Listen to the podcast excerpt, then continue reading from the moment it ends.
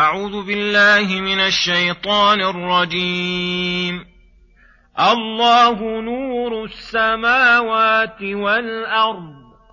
مثل نوره كمشكاة فيها مصباح. المصباح في زجاجة الزجاجة كأنها كوكب دري يوقد من شجرة مباركة. يوقد من شجرة مباركة زيتونة لا شرقية ولا غربية. يكاد زيتها يضيء ولو لم تمسسه نار. نور على نور. يهدي الله لنوره من يشاء. ويضرب الله الأمثال للناس. والله بكل شيء عليم.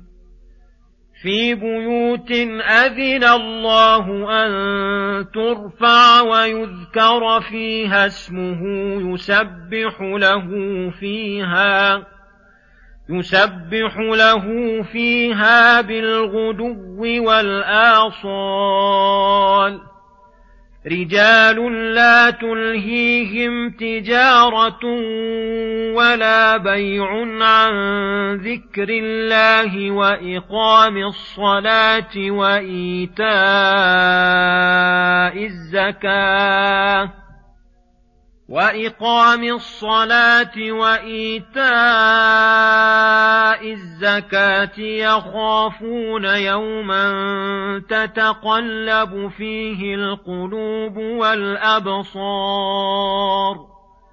ليجزيهم الله أحسن ما عملوا ويزيدهم من فضله والله يرزق من يشاء بغير حساب.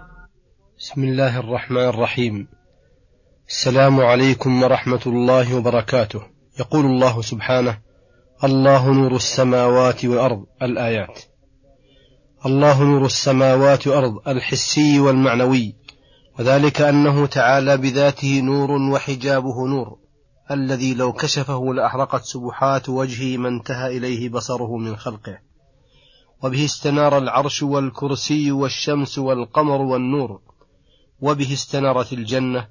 وكذلك المعنوي يرجع إلى الله فكتابه نور. وشرعه نور. والإيمان والمعرفة في قلوب رسله وعباده المؤمنين نور. فلولا نوره تعالى لتراكمت الظلمات. ولهذا كل محل يفقد نوره فثم الظلمة والحصر. مثل نوره الذي يهدي إليه وهو نور الإيمان والقرآن في قلوب المؤمنين كمشكاة أي كوة فيها مصباح لأن الكوة تجمع نور المصباح بحيث لا يتفرق. ذلك المصباح في زجاجة الزجاجة من صفائها وبهائها كأنها كوكب دري. أي مضيء إضاءة الدر يوقد ذلك المصباح الذي في تلك الزجاجة الدرية من شجرة مباركة زيتونة أي يوقد من زيت الزيتون الذي ناره من أنور ما يكون. لا شرقية فقط فلا تصيبها الشمس آخر النهار ولا غربية فقط فلا تصيبها الشمس أول النهار. وإذا انتفى عنها الأمران كانت متوسطة من أرض كزيتون الشام تصيبه الشمس أول النهار وآخرة فيحسن ويطيب ويكون أصفى لزيتها ولهذا قال يكاد زيتها من صفائه يضيء ولو لم تمسسه نار. فإذا مسته النار أضاء إضاءة بليغة نور على نور أي نور النار ونور الزيت. ووجه هذا المثل الذي ضربه الله وتطبيقه على حالة المؤمن ونور الله في قلبه أن فطرته التي فطر عليها بمنزلة الزيت الصافي. ففطرته صافية مستعدة للتعاليم الإلهية والعمل المشروع. إذا وصل إليه العلم والإيمان اشتعل ذلك النور في قلبه بمنزلة إشعال النار فتيلة ذلك المصباح. وهو صافي القلب من سوء القصد وسوء الفهم عن الله. إذا وصل إليه الإيمان أضاء إضاءة عظيمة لصفائه من الكدورات. وذلك بمنزلة صفاء الزجاجة الدرية فيجتمع له نور الفطرة ونور الإيمان ونور العلم وصفاء المعرفة نور على نوره. ولما كان هذا من نور الله تعالى وليس كل أحد يصلح له ذلك قال يهدي الله لنوره من يشاء ممن يعلم زكاءه وطهرته وأنه يزكى معه وينمى. ويضرب الله الأمثال للناس ليعقلوا عنه ويفهموا لطفا منه بهم وإحسانا إليهم. وليتضح الحق من الباطل فإن الأمثال تقرب المعاني المعقولة من المحسوسة فيعلمها العباد علما واضحا. والله بكل شيء عليم فعلمه محيط بجميع الأشياء. فلتعلموا أن ضربه الأمثال ضرب من يعلم حقائق الأشياء وتفاصيلها وأنها مصلحة للعباد. فليكن اشتغالكم بتدبرها وتعقلها لا باعتراض عليها ولا بمعارضتها فإنه يعلم وأنتم لا تعلمون. ولما كان نور الإيمان والقرآن أكثر وقوع أسبابه في المساجد ذكرها منوها بها فقال في بيوت أذن الله إلى قوله بغير حساب.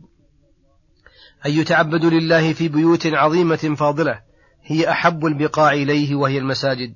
أذن الله أي أمر ووصى أن ترفع ويذكر فيها اسمه. هذان مجموع أحكام المساجد. فيدخل في رفعها بناؤها وكنسها وتنظيفها من النجاسات والأذى وصونها من المجانين والصبيان الذين لا يتحرزون عن النجاسات وعن الكافر وأن تصان عن اللغو فيها ورفع الأصوات بغير ذكر الله. ويذكر فيها اسمه. يدخل في ذلك الصلاة كلها فرضها ونفلها.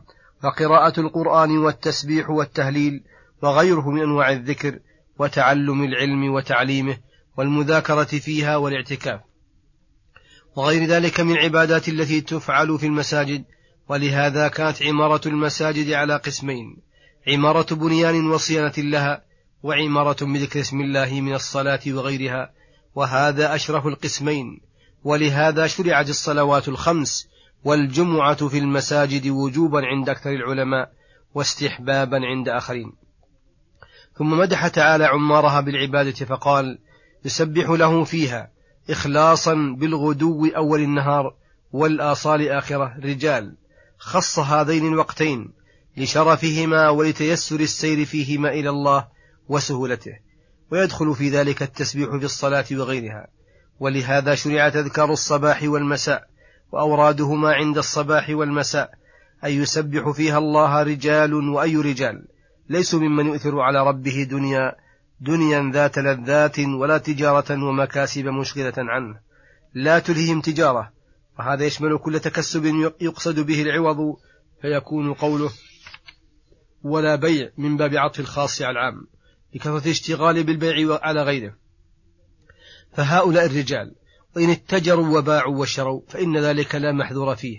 لكنه لا تلهيهم تلك بأن يقدموها ويؤثروها على ذكر الله وإقام الصلاة وإيتاء الزكاة.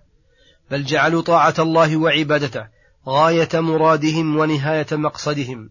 فما حال بينهم وبينها رفضوه. ولما كان ترك الدنيا شديدا على أكثر النفوس وحب المكاسب بأنواع التجارات محبوبا لها ويشق عليها تركه في الغالب وتتكلف من تقديم حق الله على ذلك ذكر ما يدعوها إلى ذلك ترغيبا وترهيبا فقال يخافون يوما تتقلب فيه القلوب والأبصار من شدة هوله وإزعاجه القلوب والأبدان فلذلك خافوا ذلك اليوم فسهل عليهم العمل وترك ما يشغل عنه. ليجزيهم الله أحسن ما عملوا والمراد بأحسن ما عملوا أعمالهم الحسنة الصالحة لأنها أحسن ما عملوا لأنهم يعملون المباحات وغيرها. فالثواب لا يكون إلا على العمل الحسن كقوله تعالى ليكفر الله عنهم أسوأ الذي عملوا ويجزيهم أجرهم بأحسن ما كانوا يعملون. ويزيدهم من فضله زيادة كثيرة عن الجزاء المقابل لأعمالهم. والله يرزق من يشاء بغير حساب بل يعطيه من الأجر ما لا, ما لا يبلغه عمله. بل ولا تبلغه أمنيته ويعطيه من الأجر بلا عد ولا كيل وهذا كناية عن كثرته جدا. والله أعلم وصلى الله وسلم على نبينا محمد وعلى آله وصحبه أجمعين. إلى الحلقة القادمة غدا إن شاء الله. والسلام عليكم ورحمة الله وبركاته.